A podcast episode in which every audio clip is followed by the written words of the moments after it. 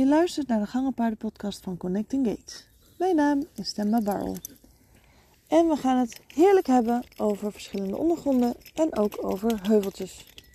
Daarnaast ben ik heerlijk met de hond aan de wandel. Dus als je af en toe even iets hoort, dan kan dat daardoor komen. En op dit moment is hij zich aan het uh, krabben en doen. Maar goed, uh, dat terzijde.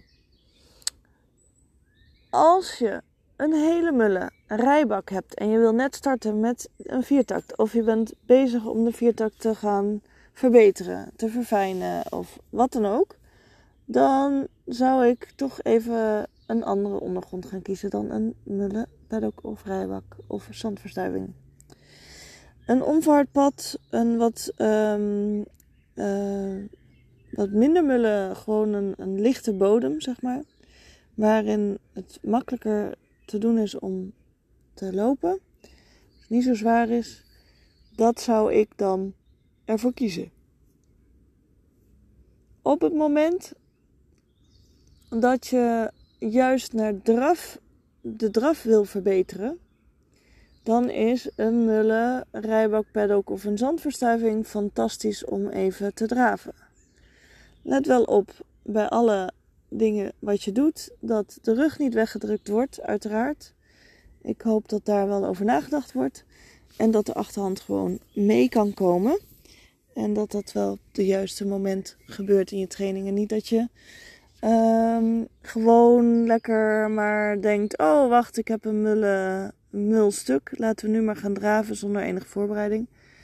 Enig logisch nadenken met de kennis die je zelf al hebt in je eigen fijne mooie rugzak, uh, is dan al wel een beetje op zijn plaats. Dus daar ga ik wel even vanuit. Het is alleen wel even heel handig om te weten dat een draf dus met een mulle ondergrond juist heel erg prettig kan zijn om die juist fijn te trainen.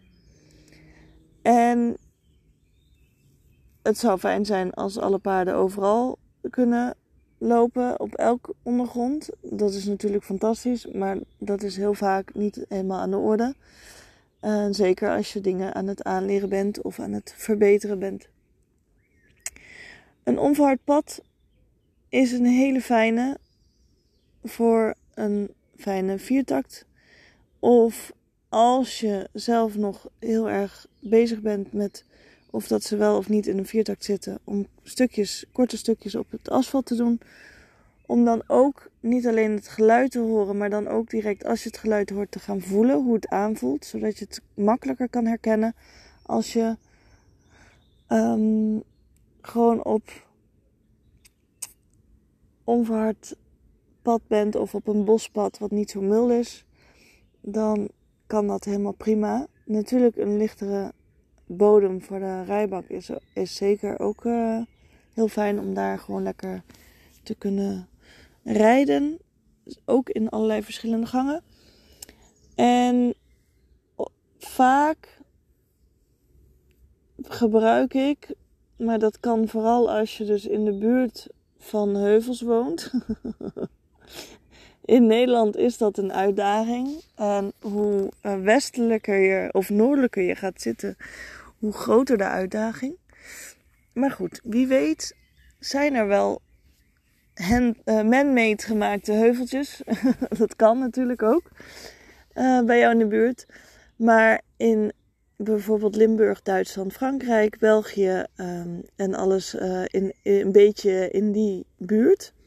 Daar heb je wel een grote kans op mooie heuveltjes. Groot en klein en stijl en minder stijl. En als je naar beneden gaat, dan vind ik het altijd heel fijn om te zien dat heel veel paarden het makkelijker vinden om bekken, hun bekken te kunnen kantelen. En als je net begint, zou ik het een beetje aan het eind van die helling doen. Uh, dus als je bijna beneden bent, om het laatste stukje, de laatste paar meters even te pakken. Om dan te gaan versnellen in, die, uh, in de stap. Dus om de stap wat uit te breiden.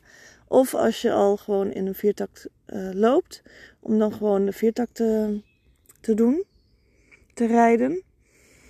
En dan ga je verschil merken omdat de achterhand er eigenlijk bijna automatisch al bij komt, zonder dat het je paard daar heel veel moeite voor hoeft te doen. En dat kan dus heel waardevol zijn. En zeker als je dus leert om vanuit lateraal of vanuit die zwijnenpas dus, of vanuit um, een uh, laterale of diagonale viertakt te komen. Of zelfs als je het net gaat starten met die viertakt, om dus het staartje van zo'n heuvel mee te pakken. Uiteindelijk kan je dat uitbreiden naar, als het niet een te stel, steile heuvel is of helling is, maar om dan helemaal naar beneden te kunnen gaan in een viertakt. Ik zou dat nooit, te doen, nooit doen met een hele steile. Maar goed, ook daarin een beetje logisch nadenken, alsjeblieft. En dingen uitproberen. Dus niet zo bang zijn dat je iets helemaal direct in één, in één beweging helemaal fout doet. Um, elk paard is weer heel anders.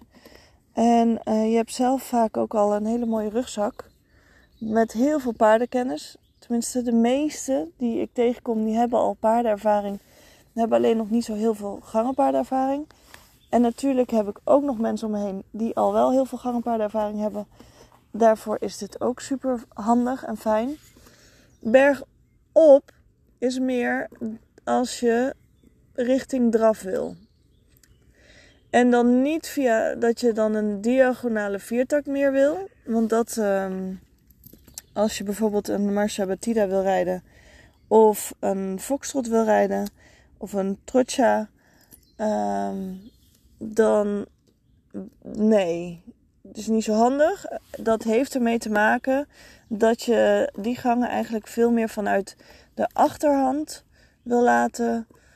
Um, ja, zeg, laten we het heel even zeggen draven. Het is niet echt draven, maar dat is dan heel even voor nu de makkelijkste manier om te zeggen.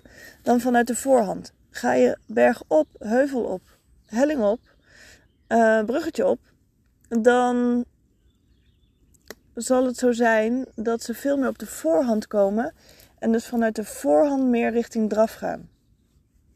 En bij de gangen die ik net genoemd heb, is het juist uh, belangrijk om dat meer vanuit hun achterhand te hebben dan vanuit hun voorhand. Um, ja, dus wel even een fijne kanttekening. Ook als je een galop wil doen, ruim 90% van de gangenpaarden hebben een viertakt galop in plaats van een drietakt. En dat is niet erg. Daar is niet zo heel veel mis mee. Maar die wil je niet versterken door een berg op te gaan galopperen. Dus dat zou je dan beter op andere manieren kunnen doen en uh, moeten proberen. Om dus de achterhand sterker te maken. En ze vanuit die achterhand te laten aanspringen. En dat is wel een heel mooi uh, gegeven eigenlijk. Om daar mee bezig te zijn. En uh, het is helemaal dus niet raar als je denkt, ja, maar mijn paard kan helemaal niet galopperen. Nou ja, waarschijnlijk kan hij dat wel, maar dan is het dus een viertakt galop in plaats van een drietakt. En dat is wel een verschilletje. Nou, dat is iets voor een andere keer. En um, het is wel heel leuk om gewoon daar lekker mee te experimenteren wat voor jouw paard werkt. Dus is dat heuvel op, heuvel af, het laatste stukje van de, van de heuvel. Of dus een, als je een uh, viaduct over bent en dan dat laatste stukje even mee kan pakken. Uh, nou ja, wees creatief als je buiten rijdt.